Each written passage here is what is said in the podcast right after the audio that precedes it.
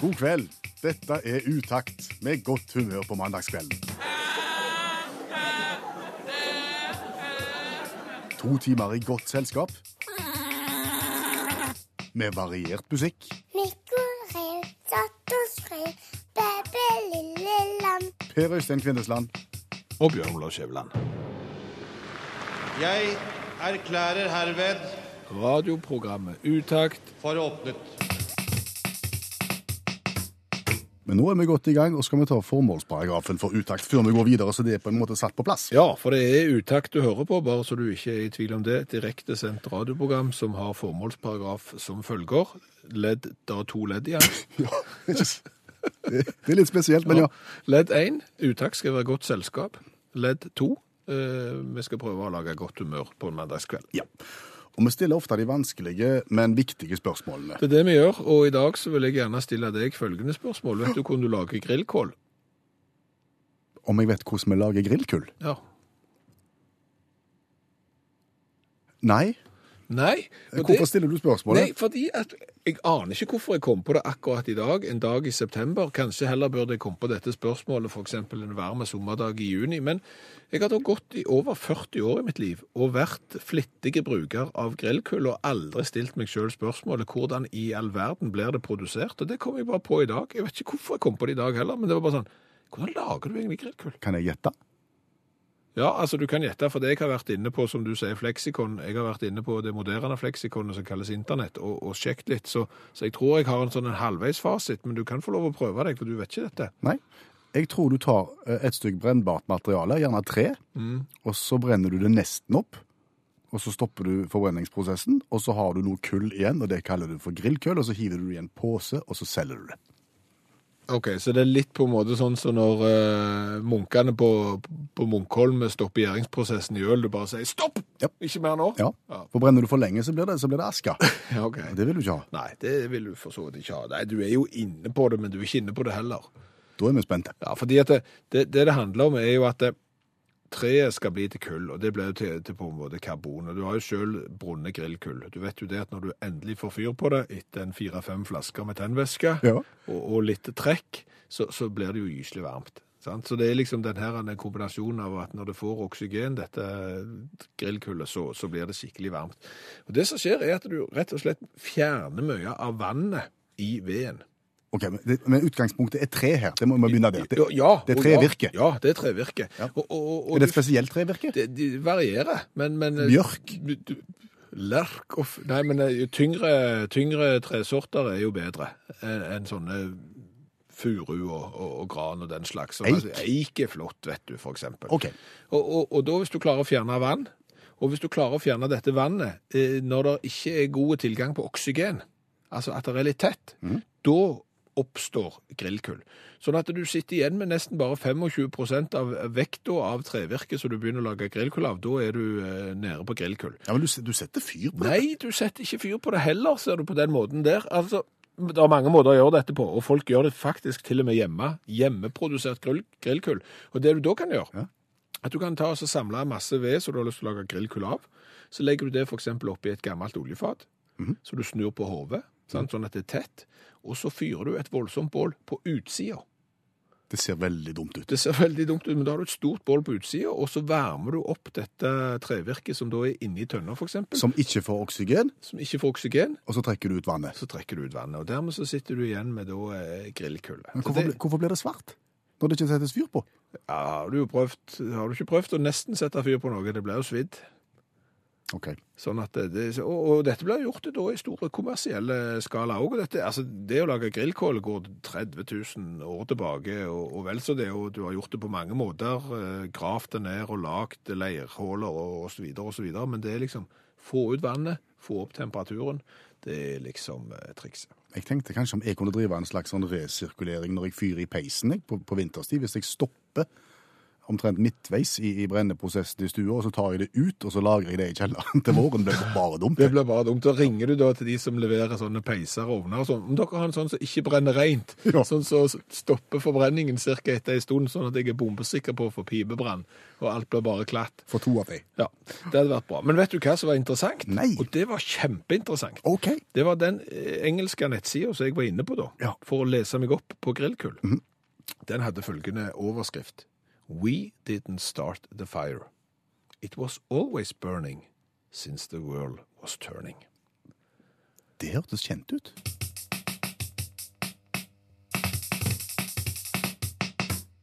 Og så sa jeg innledningsvis at Utakt ikke er redd for å stille de viktige spørsmålene. Nei, og, og hva viktig spørsmål vil du gjerne stille? Jeg vil gjerne stille følgende spørsmål. Hvorfor bor vi på hotell? Ja, og, og svaret på det er jo innlysende. Det er nesten for lett. Det er innlysende enkelt. Jeg, jeg ser det, men, men jeg tar det nå allikevel. Skjæveland, hvorfor bor vi på hotell? Ja, det er for å få bacon til frokost. Ja.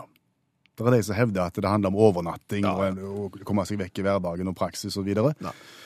Det er ikke det. Hvis det bare var for å ha ei seng å sove på, så kunne du bodd mange plasser. Du kunne gått på Airbnb og innlosjert privat, og det er ikke måte på hva valg du kunne tatt. Altså, Legger du deg på hotell, så er det primært for å få bacon til frokost. Ja.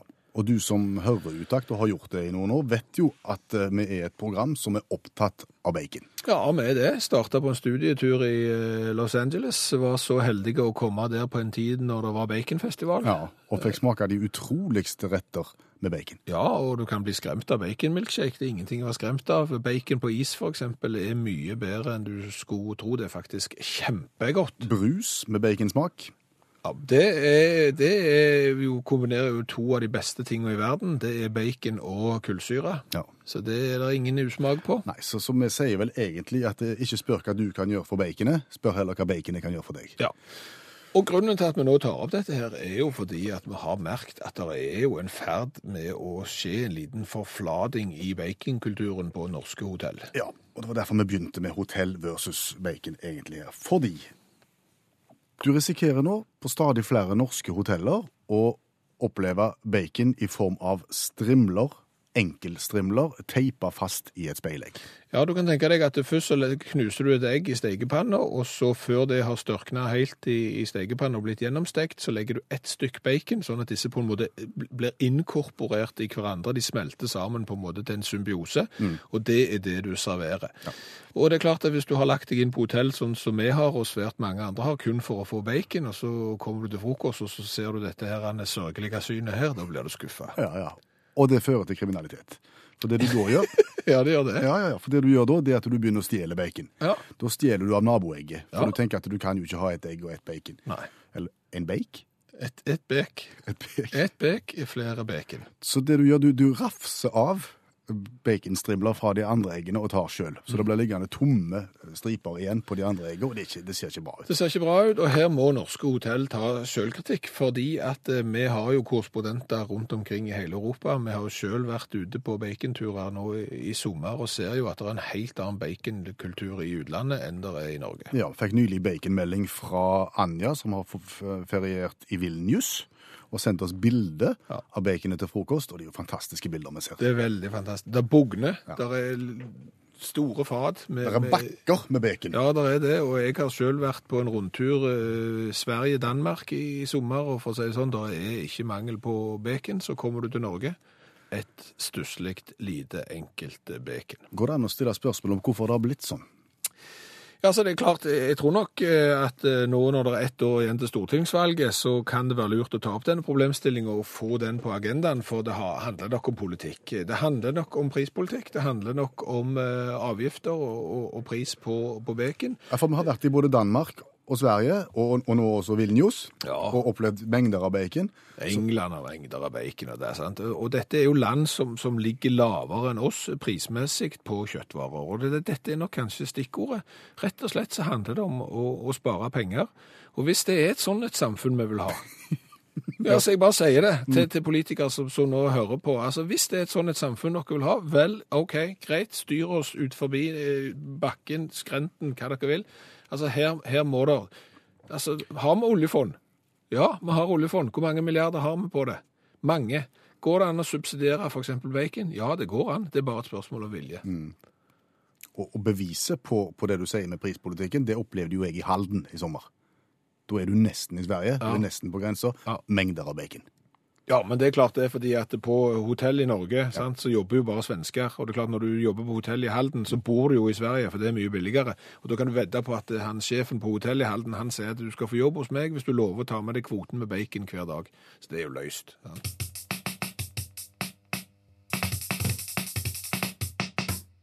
Utakt er programmet som er så heldige å ha besøk av en allmennlærer hver eneste mandag. Ja, og ikke bare allmennlærer. Allmennlærer med to vekttall i musikk, så dermed en bred plattform av kunnskap å stå på.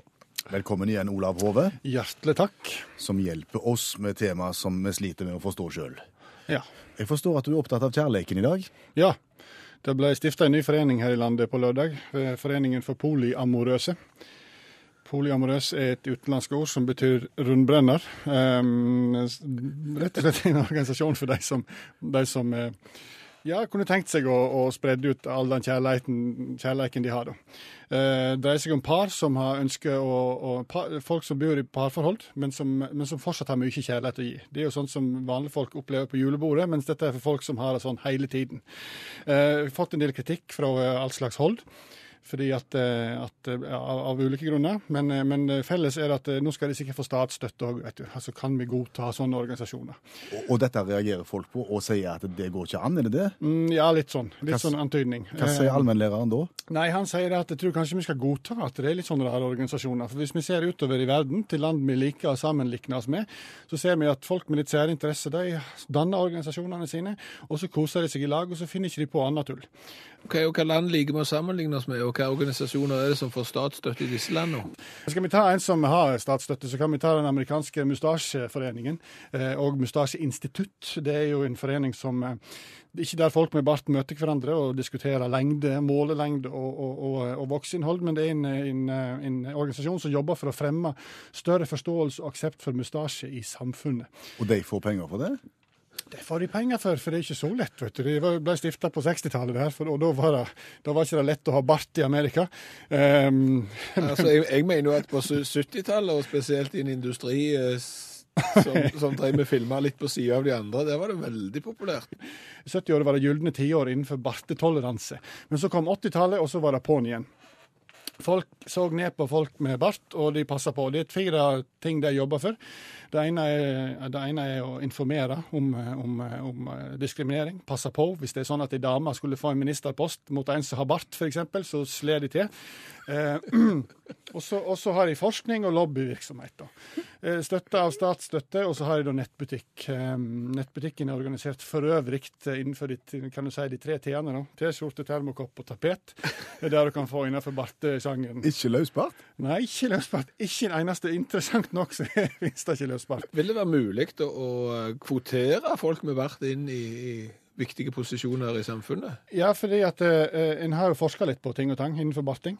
Eh, og det viser seg at det kan være en fordel å ha det. Eh, I 2009 så støtta Barteforeningen et forskningsprosjekt der de tok 2000 med bart. 2000 med skjegg og 2000 uten bart, som var helt glattbarberte, og sjekka litt hvordan de hadde det sånn generelt sett. Og det viste seg det at folk med bart tjener i snitt 8,2% mer enn folk med skjegg. Og 4,3 mer enn glattbarberte. Så det lønner seg i det store og hele å ha viktig forskning, og slikt trenger de jo statsstøtte til. I tillegg så driver de lobbyvirksomhet innenfor den såkalte stasjeloven, eller bartebrekket, som det kalles. Eh, Det, det kom et forslag om at bart skal gi skattelette da, på 2000 kroner per, per år eh, i Amerika. Dette jobber de for. Da. Det er sånn sjablongvurdering hvis du f.eks. har bart i seks måneder. Eh, har ikke fått gjennomslag for det. Og I tillegg da, så arrangerer de hvert år på Rivers Casino i, i Pittsburgh eh, årets bart.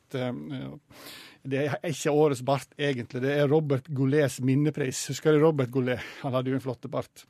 Og Der deler de ut prisen for årets bart, og det er ikke årets fineste bart, men det er, og jeg leser nå eh, på statuttene til juryen, det er pris som går til den mann eller kvinne som på best mulig måte har promotert den seksuelle dynamikken barten representerer i den amerikanske livsstilen. Og sånt trenger de statsstøtte for å finne ut av. Og det er kompliserte greier.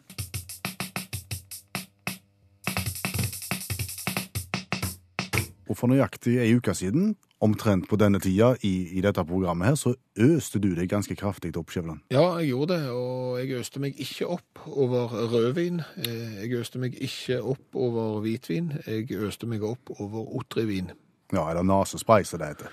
Ja, eh, og det som irriterte meg var A, prisen, eh, men kanskje enda verre at jeg aldri fikk ut alle dråpene som lå igjen, og når du tenker på hva du betaler per eh, liter, så kan du bli litt erg. Vi tenker ikke så mye på hvor mye vi betaler per liter når vi kjøper nesespray, for vi kjøper så ufattelig lite om gangen. Jo, men det er jo derfor du blir litt sinte når du ikke får ut alt, fordi at du kjøper såpass lite hver gang, og, og da trenger du hver eneste dråpe, og jeg har jo regnet ut at en otrevin koster noe sånn som 5400 kroner literen, og det er klart at da blir eh, dråpene dyre, bokstavelig talt, og, og det øste jeg meg opp over, men jeg fikk jo svar på tiltale da. Ja, vi gjør gjerne det i dette programmet her. Vi går ganske høyt ut, Ja. og så får vi litt svar på tiltale, og så jekker vi oss litt ned igjen. Ja, så blir det mageplask. Sånn blir det fort. fordi at hvis vi trodde at 5400 kroner literen var mye, så burde vi kikke oss litt rundt. Finnes det annen nesespray som er enda dyrere? Ja, det kan godt hende, men vi måtte jo f.eks. se på det. Husk, sånne små lakkbeholdere, sånne små pensler som du kan kjøpe for å fikse på lakkskade på bilen. Ja, sånn, sånn så ser ut som en sånn liten låsbrei, egentlig. Ja, og så åpner du den, og så er det en liten pensel, og så sånn. Det er fort 10 000 kroner literen. Ja, men det må de nesten ha.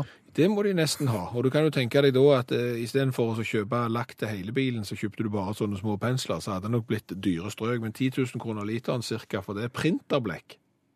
Ja, det, det kan jeg tenke meg er dyrt. Det er dyrt. Ja. Nå har jeg sjekka bare en sånn vanlig Canon i dag. Eh, 14 500 kroner literen. Såpass må de ha. Ja, men Er det svart, eller, er- eller, eller er det magenta? Du? Ja, det er cyan. Det er cyan, ja. Det er cyan. Ja. 14 500 kroner literen der. Og så var det en som tipsa meg om å se på neglelakk. Hvis du går da i skapet til kona di og så ser på neglelakken og ser hvor stor er beholderen og hva koster den, Ja. så kan du fort finne neglelakk på 13,5 milliliter til 255 kroner. Det vil si 18 880 kroner Det må de nesten ha. per liter. Ja, og, og da er vi jo inne på Nå begynner vi å nærme oss. Mhm. Det finnes jo spesialting rundt omkring i verden, sånn, altså, forskjellige gifter og narkotika og den. Det har jeg ikke sett så mye på. Men, men når vi da er innom velvære, Ja. parfyme Jeg fant en parfyme i dag eh, til 3299 kroner for en flakong. For, å ja, bare for, ikke for literen, nei, for flakongen. Ja, ja, den var på 120 milliliter. Creed Adventus ETP. Er det en slags 4711? Ja, jeg tror det. Jeg tror det er en slags ja. ja, akvavelva-aktige greie, tror jeg. Kosta? Den blir da 28 325 kroner per liter. Ja, det må de nesten ha. Og da tenker jeg, den parfymen, det, var, det var en herreparfyme, tror jeg, den parfymen må være uvanlig god hvis du skal ha 28 325 kroner per liter for den. Ja. Fordi at Old Spicen, Ja. den får du til 1590 kroner literen.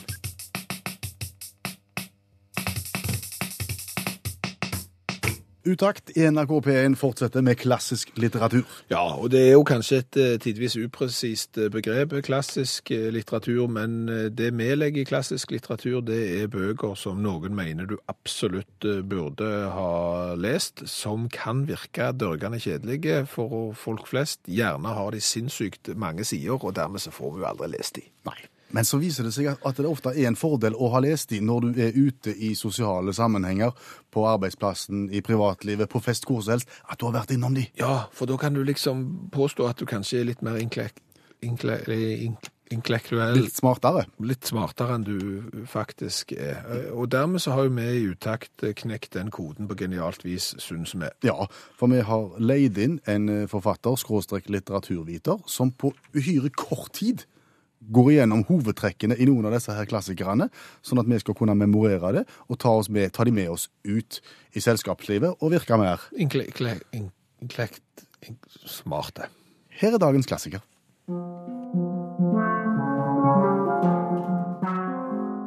Frankenstein av Mary Shelley. Den boka kom ut i 1818 og handler om doktor Frankenstein som lager nytt liv. Han syns det er ekkelt. Alle dør. Lage nytt liv, han syns det er ekkelt, alle dør. Ja. Det er det den boka handler om. Altså, Jeg har ikke lest den eh, boka, okay. men, men, men, men jeg føler jo at jeg har sett en og annen film som handler om Frankenstein, og det er jo en mann som syr sammen en annen mann. Ja, det er det han gjør. Og så blir han veldig begeistra med en gang, for i det øyeblikket hvor denne andre mannen får faktisk liv, så syns han jo det er kjempetøft og tommeler han opp. Men så ser han jo at det er jo litt ekkelt, for han har jo brukt døde kropper for å sy sammen denne andre mannen. Og han fungerer jo bare sånn halvbra. Så da blir han mer sånn æsj, vik vekk fra meg, stygge monster, og så rømmer han. Og da blir monsteret bittert og sint, og så dreper han alle i familien til Frankenstein, og så til slutt så dør begge de to i isødet sammen. Er det noen sitater, noen kjente linjer å hente med oss ut fra Frankenstein? What can stop the determined heart and resolved will of man? Den er ikke lett å huske. Nei, jeg vet det. Men det som vi heller kan si en sitat i denne sammenhengen, det er at eh, Frankenstein handler om eh, menneskets forhold til teknologi. Og spørsmålet den stiller, det er når har vi gått langt nok? Og det er jo veldig aktuelt i vår egen verden, hvor vi hele tida omgis av forskjellige teknologiske dippedutter. Hvor ville du, I hvilke miljøer ville du ha brifa med at du har god kunnskap om Frankenstein? IKT-avdelingen. OK. De blir kjempeimponert av Frankenstein. For det handler jo om altså, Undertittelen til Frankenstein er 'Den moderne Prometheus'. Og Prometheus er en gresk myteskikkelse som ga mennesket ilden. Det vil si at han ga mennesket kunnskap om teknologi og vitenskap. Så, så dette, Frankenstein blir regna som den første science fiction-romanen, faktisk. Og derfor så blir alle IKT-folka veldig imponert hvis du har lest Frankenstein. Ja, og det er jo lett å dra den inn nå, ikke sant. Hvis noen skal komme og installere Word på maskinen din, så er det jo veldig lett å vri eh, samtalen inn på Frankenstein. Men er vi sikre på at dette er en klassiker? Jeg føler liksom Frankenstein, der noen syr sammen et menneske av døde kroppsdeler. Kan det være en klassiker? Ja, det er helt klart en er klassiker. klassiker. Ja, ja, utvilsomt. Og det er jo eh, ganske interessant at det er eh, Det er jo ei bok hvor, hvor tittelen er jo ikonisk. Alle kan jo Frankenstein, og alle, det er ikke alle som vet at det er Mary Shelley som har skrevet den. Eh, og det er heller ikke alle som vet at det egentlig er den som lager Frankenstein, som heter Frankenstein. For selve monsteret får jo ikke navnet i boka, det er bare The Creature. Så, det at det, så det, at det er på grunn av at det, alle kan Frankenstein, alle vet om det, så viser jo det hvor enormt stor eh, impact, for å bruke et et tidsriktig ord, eh, det har hatt på vår kultur. OK, eh, Frankenstein handler altså da om man lager liv, og alle dør. Og i overført betydning så handler det om å få installert Word på PC-en din. Ja. Tusen takk, Janne Stigen Drangsholt, forfatter, litteraturviter, hjelpetrener i friidrett og medlem av FAU.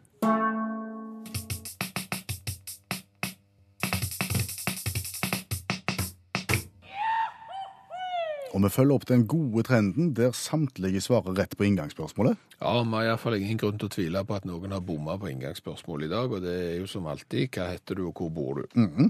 Sylvi har ringt oss og sagt at hun bor i Drammen, og det tror vi er helt rett. God kveld, Sylvi. Hei, hei, du. Hei. Er alt vel i Drammen?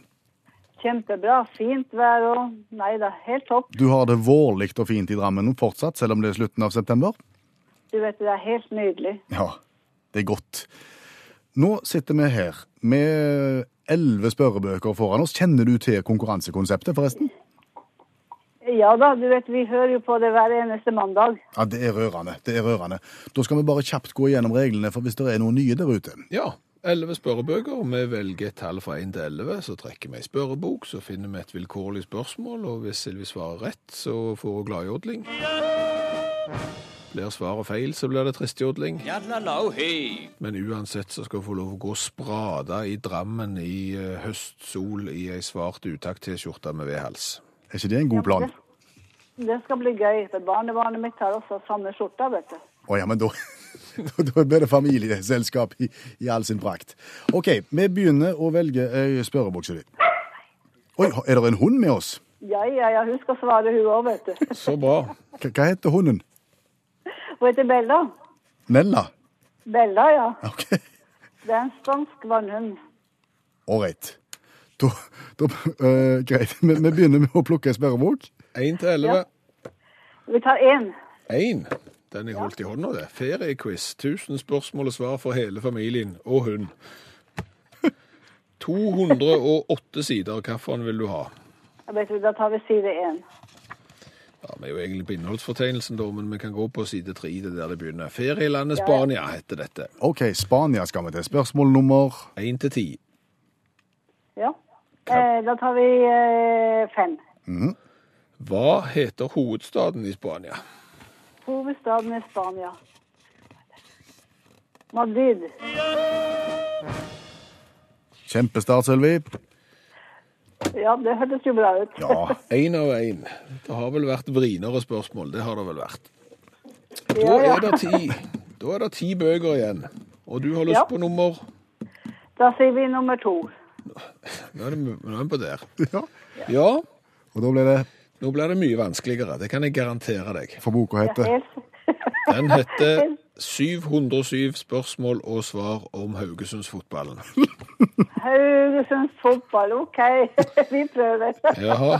Og 122 sider å velge i. Hvor skal vi hen? Du, ja, du, da tar vi eh, fire. helt i starten igjen. Og da er vi vel i den eldre delen av Haugesundsfotballen, for da blir det enda vanskeligere. Ja, vi er i, oi, oi, oi. oi. vi er i Haugesundsfotballen åra før 1960. Og du kan, og du kan velge et spørsmål mellom 1 og 13. Du, da tar vi 13. 13. Så skal jeg bare finne fram fasiten, for den står så langt bak, og det er der. Spørsmål nummer 13. 2. juni 1940 spilte Haugar sin første kamp. Kampen Ja. ble spilt på Karmøy. Mot hvem? Oi. Brann, kanskje? Brann. Brann er foreslått. Oi sann. Oi, oi, oi, oi. Altså, dette er jo for særdeles spesielt interesserte. Ja, Ja, du eh, Hadde far min vært her, så han kunne sikkert kunne svart på det. Det er søren ikke bombesikkert, for det var et lokaloppgjør. Det var nemlig mot Åkra. Oi, oi, oi. Ja, ja. Så Haugar spilte sin første kamp mot Åkra i 19... 40. 2. Ja. juni. Akkurat. Men ikke si at du ikke lærer noe av å høre på utakt. Jeg visste jeg det. Det har vi gjort hele tida. Ja, ikke sant? Det, det, Men da er vi ferdig med den boka, så kommer ikke den igjen i hvert fall. nei. Nei. Ni bøker igjen. Ja.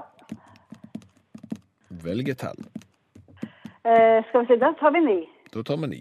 Kåre Kapps nye spørrebok fra 1987. Den nye spørreboken fra 87 har du fått, ja. Og det er 62 sider. Eh, da tar vi nummer ni. Liker best lave tall, Sylvi. Ja, ja, ja. Det er da eh, ja, Nå er jeg på svaret her, skal vi se. Det er 25 lette spørsmål, så du kan velge ett av de 25 lette. Ja, da tar vi de fem, den 25. Hva er de sandvikske samlinger? Samiske. Sandvikske. Var det lett? Marihaugen. Ja. Vi gjør sånn på den.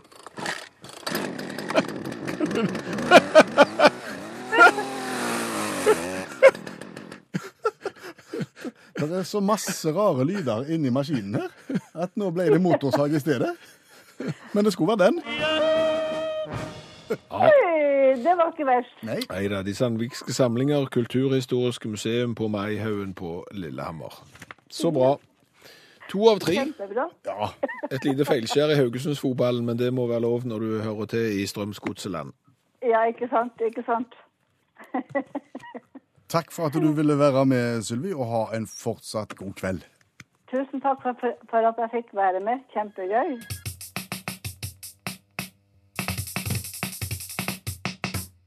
Og nå skal vi teste cola, men i anledning drikkevarer så må jeg bare få lov å si at vi har fått et bilde av Anja, som eh, på siste tur i Gdansk smakte på noe som heter bacon sour. Det er da en drink med whisky, bacon og lønnesirup. Var litt interessant, sier Anja, og det kan vi forstå, og vi håper colaen vi nå skal teste ikke er like interessante.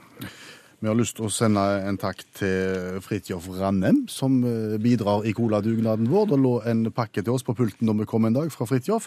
Han har vært ute og reist, han har vært i Frankrike og sendt oss et eksemplar derfra. Ja, han har vært i Provence og har vært eh, hos butikkjeden Intermarché og kjøpt en av colaene deres. En lokal, altså ikke lokale cola, men sånn supermarked-cola. Og den heter altså Look. Look, altså L-O-O-K. Yes. Look Cola. Franskmennene prøver seg på engelsk. Oh. Look. Og som sagt, dette er en del av vår store coladugnad som vi gjør for deg. Ja, Det er iallfall det vi sier. Vi sier vi gjør det for deg, sånn at når du skal ut og reise, så skal du vite hvilken cola du bør drikke i hvilket land. Vi gjør det litt for oss sjøl òg. Ja, for det er ganske tøft å være det radioprogrammet i verden som har smakt på mest cola. Ja. Og nå nærmer vi oss 100. Ja.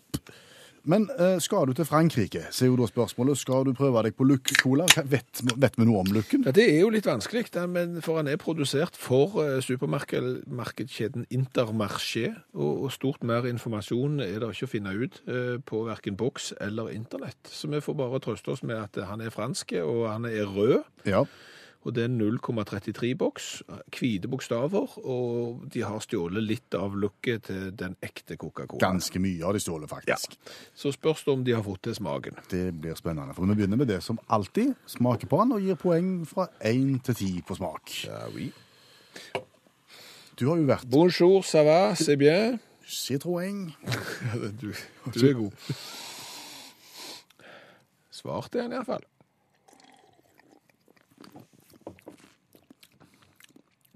Jeg har smakt ubetydelig mye verre verre enn den. Det var ikke vondt. Det var ikke vondt i det hele tatt. Look to look, vil jeg si. Det var ikke verst. Nei, men heller ikke topp. Nei, altså, han smakte litt lite, Ja. og litt kort. Jeg skulle akkurat si det. Den var, den var der, men så var den borte. Ja, ja. Så, så, ja. Så den eh, Altså, når du tenker på hvor utrolig mye dårlig vi har smakt, så, så kan jeg ikke gå eh, lavere enn fem-seks seks på meg. Jeg tror jeg er enig. Jeg tror vi gir sekser, faktisk, i smak. Eh, Så er det oppfinnsomheten i forhold til boks, og her må bare franskmennene ta seg en alvorlig dose med selvkritikk. Ja, det er- Dette er, ikke nybrotts- Ja, det er plagiat. Det er Ja. nybrottsarbeid i det hele tatt. Det er en boks. Ja, den ser prikk lik ut den originale colaboksen, bare at det står Look i stedet for Coca-Cola. Ja, litt annen font, men ellers er det Ja, det er Hva skal du ha? Jeg vil ha én. En? Ja, for jeg liker ikke plagiat. OK. Da eh, havner vi på 12 pluss 3, som siste gang jeg sjekket ble 15. Så dette er en god, men ikke oppfinnsom cola, så da havner litt eh, under midten. Ja, for det her må du levere på begge plan. Å, ja, Du må ja. både være god på smak, og så må du se tøff ut. Kan ikke stå med en eh, boks med Luck-cola i hånda hvis du skal tøffe deg på Champs-Lycé eksempel, eller uh, Ryde Palace, eller eh, et eller annet annet. Champignon.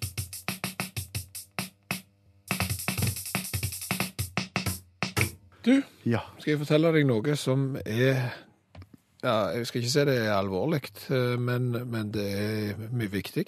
At noen tør å ta bladet fra munnen og, og debattere de vanskelige tingene i, i livet. For jeg så med mine egne øyne, I dag. ja, i dag, en voksen mann ikledd singlet, Singlet. treningsshorts, Treningsshorts. joggesko Joggesko.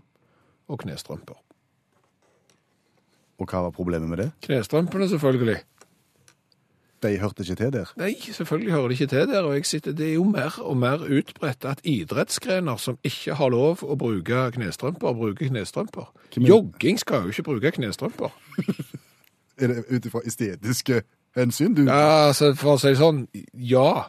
Men, men, bare, men prinsipielt. Altså, Du skal gjøre deg fortjent til knestrømper hvis du skal ha knestrømper, og du skal kunne gå med knestrømper uten at det ser helt løk ut. Jeg vil jo tenke meg at det så, så han ut som en sånn veltrent som springer mye, mann. Han så ganske veltrent ut, men han sprang utrolig seint. Så Ja. jeg vet ikke om han eh, på en måte jogget seg ned. Men, men Kanskje han hadde intervall? Hva, Jeg vet ikke. Ja, men jeg tror kanskje at sånne mennesker gjerne bruker den type utstyr av en eller annen årsak. Blodsirkulasjon, trykk på muskulatur, varm muskulatur osv.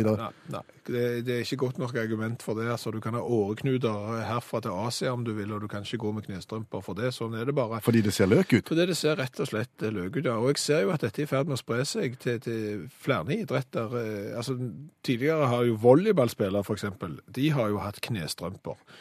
Knestrømper, og så oppå knestrømpene så kommer knebeskytterne. Og så er det et langt stykke med nakenhud, fordi at de har jo knapt shorts. De spiller jo i badebuksa, damene ofte. Så det, det også ser rart ut. Eh, friidrettsutøvere, de som hopper lengde, de som hopper høyde, har jo begynt med, med knestrømper. Sprintere sågar har jo begynt med knestrømper. Nei, det er i ferd med å skli ut dette her, så jeg tror rett og slett at det snart må være et regelverk. Hva for noen idrettsgrener skal få lov til å gå med knestrømper? Nei, ok, og hvis det var et regelverk for det, hva ville svaret vært? Det ville vært fotball og ishockey. Fordi Altså, hvis du må ha en idrett der du bruker knestrømper fordi at det skal holde utstyret på plass. det hørtes rart ut. Ja, det gjorde det, det, og nå må ikke du tenke i de retningene der med knestrømpene på plass. Men fotball, eksempel, har jo noe som heter leggbeskyttere, leggskinn. De må jo holdes på plass av noe, og det hadde sett utrolig dumt ut hvis det var eksempel lave nylonstrømper. Ja. Derfor er det da knestrømper i fotball. Ishockey har jo beskyttelse fra nede på skøyten opp til over ørene, og de har lange strømper omtrent opp til skrittet, så holder på plass alt det. Det er greit. Utover det så kommer jeg ikke på noen. Orientering kom jeg plutselig på. For der er det noen reglementer om blod i skogen. Ja, du, orienteringsløpere har ikke lov å springe i shorts. Nei. Eh, sånn at de må jo da springe sånn tre kvart eh, piratbukse-aktig, og så har de lange strømper under, gjerne med noe knebeskytter-aktig. Det går unna tvil, men, men her, det går jo an å kombinere, du kan jo bare springe i lange piratbukse.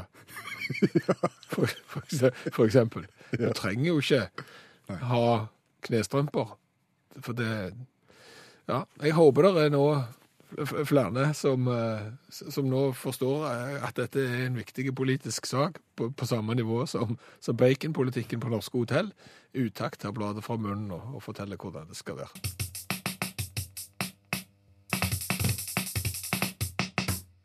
Det var Nick Cave sammen med Kylie Minogue og Where the Wild Roses Grow. Ja, og det er vel en eller annen forening som eh, dyrker roser rundt omkring i verden, som gjerne får eh, statsstøtte, og det kan jo virke nesten normalt hvis du sammenligner det med det vi snakket om i forrige time. Barteforeningen i USA som får statsstøtte for å kjempe for eh, rettigheter for de som har bart. Ja, dette vet vi lite om, Skjæveland. Det er allmennlærer med to vekttall i musikk, Olav Hove, som vet noe om dette. Og utgangspunktet for vår diskusjon om statsstøtte til rare foreninger og lag er jo de polyamorøse. Riktig, det er det. Og, og, og det at vi må akseptere at det finnes litt rare organisasjoner. For det finnes jo rare internasjonale organisasjoner òg. Det er jo litt slik at det, det, Nå var vi jo innom Amerika, men hvis vi ser litt på de som på en måte har spredd seg over hele verden, så finnes det ganske mange av de òg.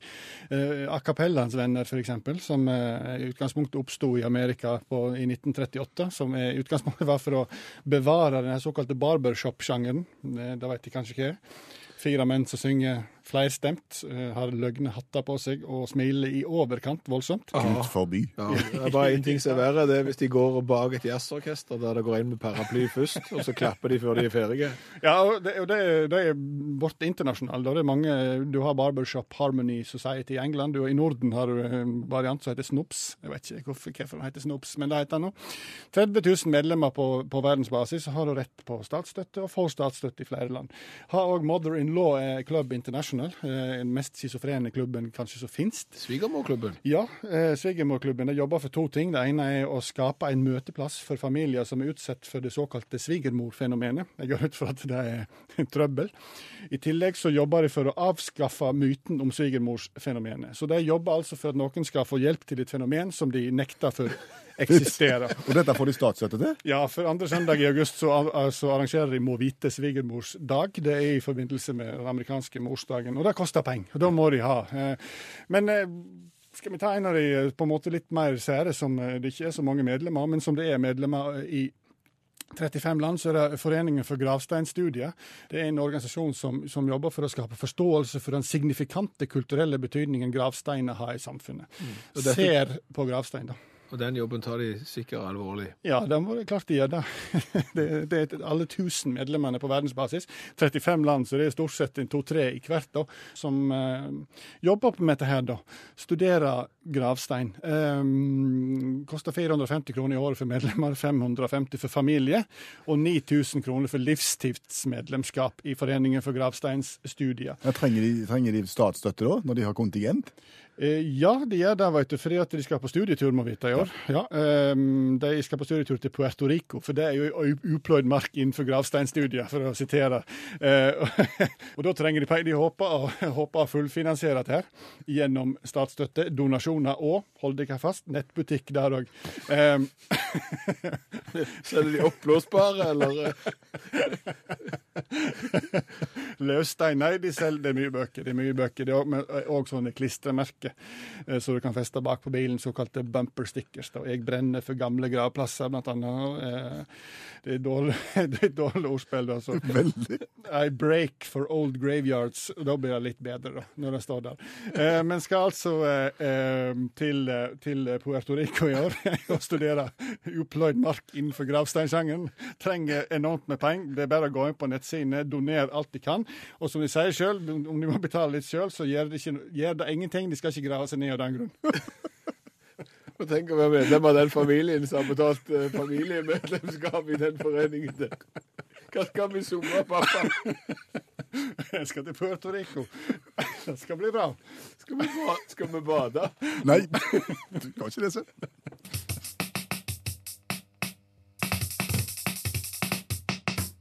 Kan jeg få lov å synge en vignett? Synge en vignett. Ja. Ja, vi kan prøve. 20 spørsmål fra Studio K7 med Kvinnesland og Skjæveland. Er det større enn fyrstikkeske? Ja, det ble en litt blanding av alt her, men vi tenkte vi kunne prøve oss på en liten intern spørrekonkurranse, 20 spørsmål-aktig, i, i studio nå. Basert på 20 spørsmål-konseptet. Ja, og, og istedenfor at lytterne våre har sendt inn eh, postkort med ord som vi eventuelt skal komme fram til, og, og sånn, så har vi tatt utgangspunktet i rubrikkannonser på internett. Ja. Og nå sitter jeg med, med et nettsted. eh, Ja, det er jo en kommersiell aktør, så jeg skal ikke si hva det heter, men det begynner på F. Slutter det på inn? Ja, det slutter på inn, ja. Eh, og, og der er det jo kategorier kategorier for eksempel for gisport. Ja. Og nå sitter jeg med den eh, nettsida der foran meg, og du skal få lov i løpet av 20 spørsmål å prøve å finne ut hvilket- hva er det siste produktet som er lagt ut på Gisport der. Det er ikke BH panelovn som Gisport mot henting i Oslo, som ble lagt ut for 12 minutter siden. Det er heller ikke en Britax eh, barnestol med two booster seats Nei. som ble lagt ut på Sandnes for 15 minutter siden. Det er et produkt som ble lagt ut i Fyllingsdalen for syv minutter siden. Ok, men for at dette skal være interessant for lytterne, så må jo du nå si hva det er, uten at jeg hører det, sånn at de kan finne, være med oss og finne ut om jeg klarer Ja, nå må du nå holde, holde for, hold for ørene. Takstein. Da har du sagt det? Da har jeg sagt det. Ok, da begynner vi. Uh, er det kongeriket? Ja, det er kongeriket. Det er kongeriket. Det er kongeriket. Må notere hvor mange spørsmål Ja, jeg det stiller. vet. Ja. Mm. Er det noe jeg kan spille på? Nei. Er det noe jeg kan ha til bilen? Nei. Er det noe jeg vil ha på hytta? Mm, kanskje. Ja. Er det et redskap? Nei. Er det noe som kan henge på veggen inni hytta? Nei.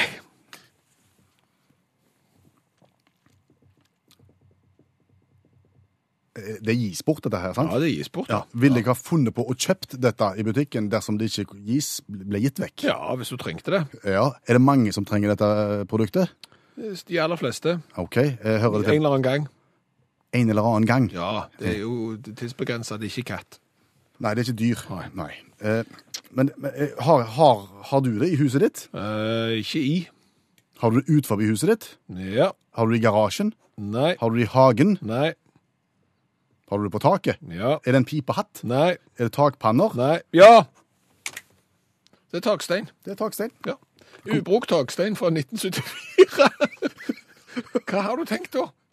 Nei, jeg kjøper litt rigeslikt. Du vet aldri tid du skal få bruk for de, så det låger Ja. Klarte det. Hvor mange spørsmål? 15. Se det, det gikk. Ja, ja. Kanskje dette kan bli en ny programpost? Det, altså, det må nesten folk som hører på radioen svare på. Intern spørrekonkurranse i studio basert på rubrikkannonser på internett. Er det god radio? Er det kommet for å bli? Jeg er litt usikker.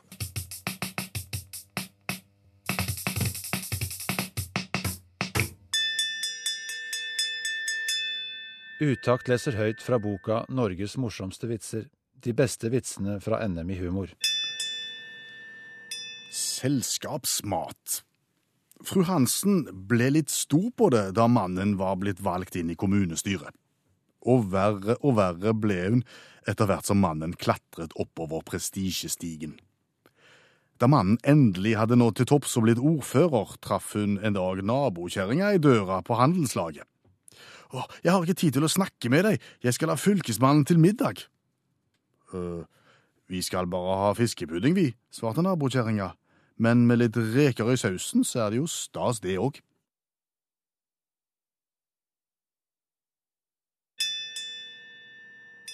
Du har hørt Utakt lese høyt fra boka 'Norges morsomste vitser'. De beste vitsene fra NM i humor.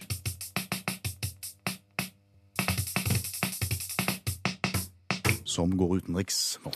Ja, og vi skal til USA, for USA har eh, andre problemer å stri med enn bare hvem de skal velge til å bli eh, president. De har jo bl.a. et eh, urinproblem.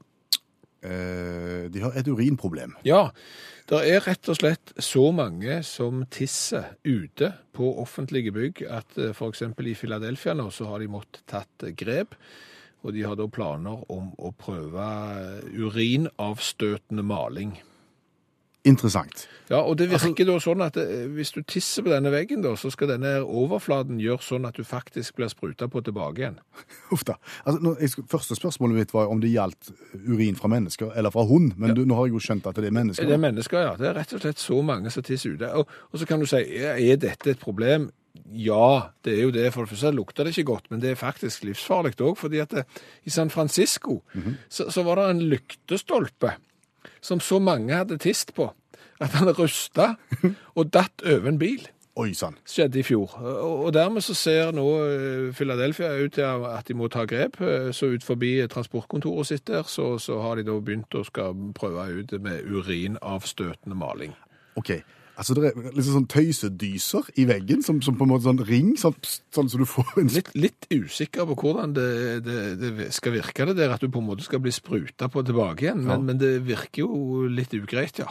Det kan jo være eh, litt sånn som vi i ungdommen ble lurt med at hvis vi tiste i svømmebassenget når vi svømte, så ble det en rød ring rundt oss. Og alle ville se at du hadde gjort det, derfor så gjorde vi det ikke. Så hvis veggen sier at hvis du tisser på meg, så spruter jeg tilbake igjen, så tør du kanskje ikke å gjøre det. Ikke? Var det røring? Nei. Tror ikke det. Tror, tror ikke det. Tror ikke det. Men kan du tenke deg, altså, for når, når eh, da plutselig noen fant ut at vi må gå til det skrittet at den malingen vi sånn til vanlig har brukt nå, vi er nødt til å finne opp en ny maling. Det, det er liksom den der eh, tanken at du må begynne å, å lage urinavstøtende maling. Det er liksom ikke det første du kommer på, tror jeg, på Jotun eller andre eh, mal, malingsfabrikker. Nei. Men nå har verden altså kommet så langt at det er et behov for det òg. Heter det en lady, tro? Nei, Nei, neppe. Nei, jeg gjør ikke det. Nei. Det var en god tanke. Men du, Ja. Utakt. Det er et radioprogram som går direkte hver eneste mandagskveld, og så slutter det omtrent nå. Ja, om, om seks minutters tid. Og, og det du skal vite, det er at alle programmene som blir lagt, eh, fins i en EDB-versjon som du kan høre på når du vil.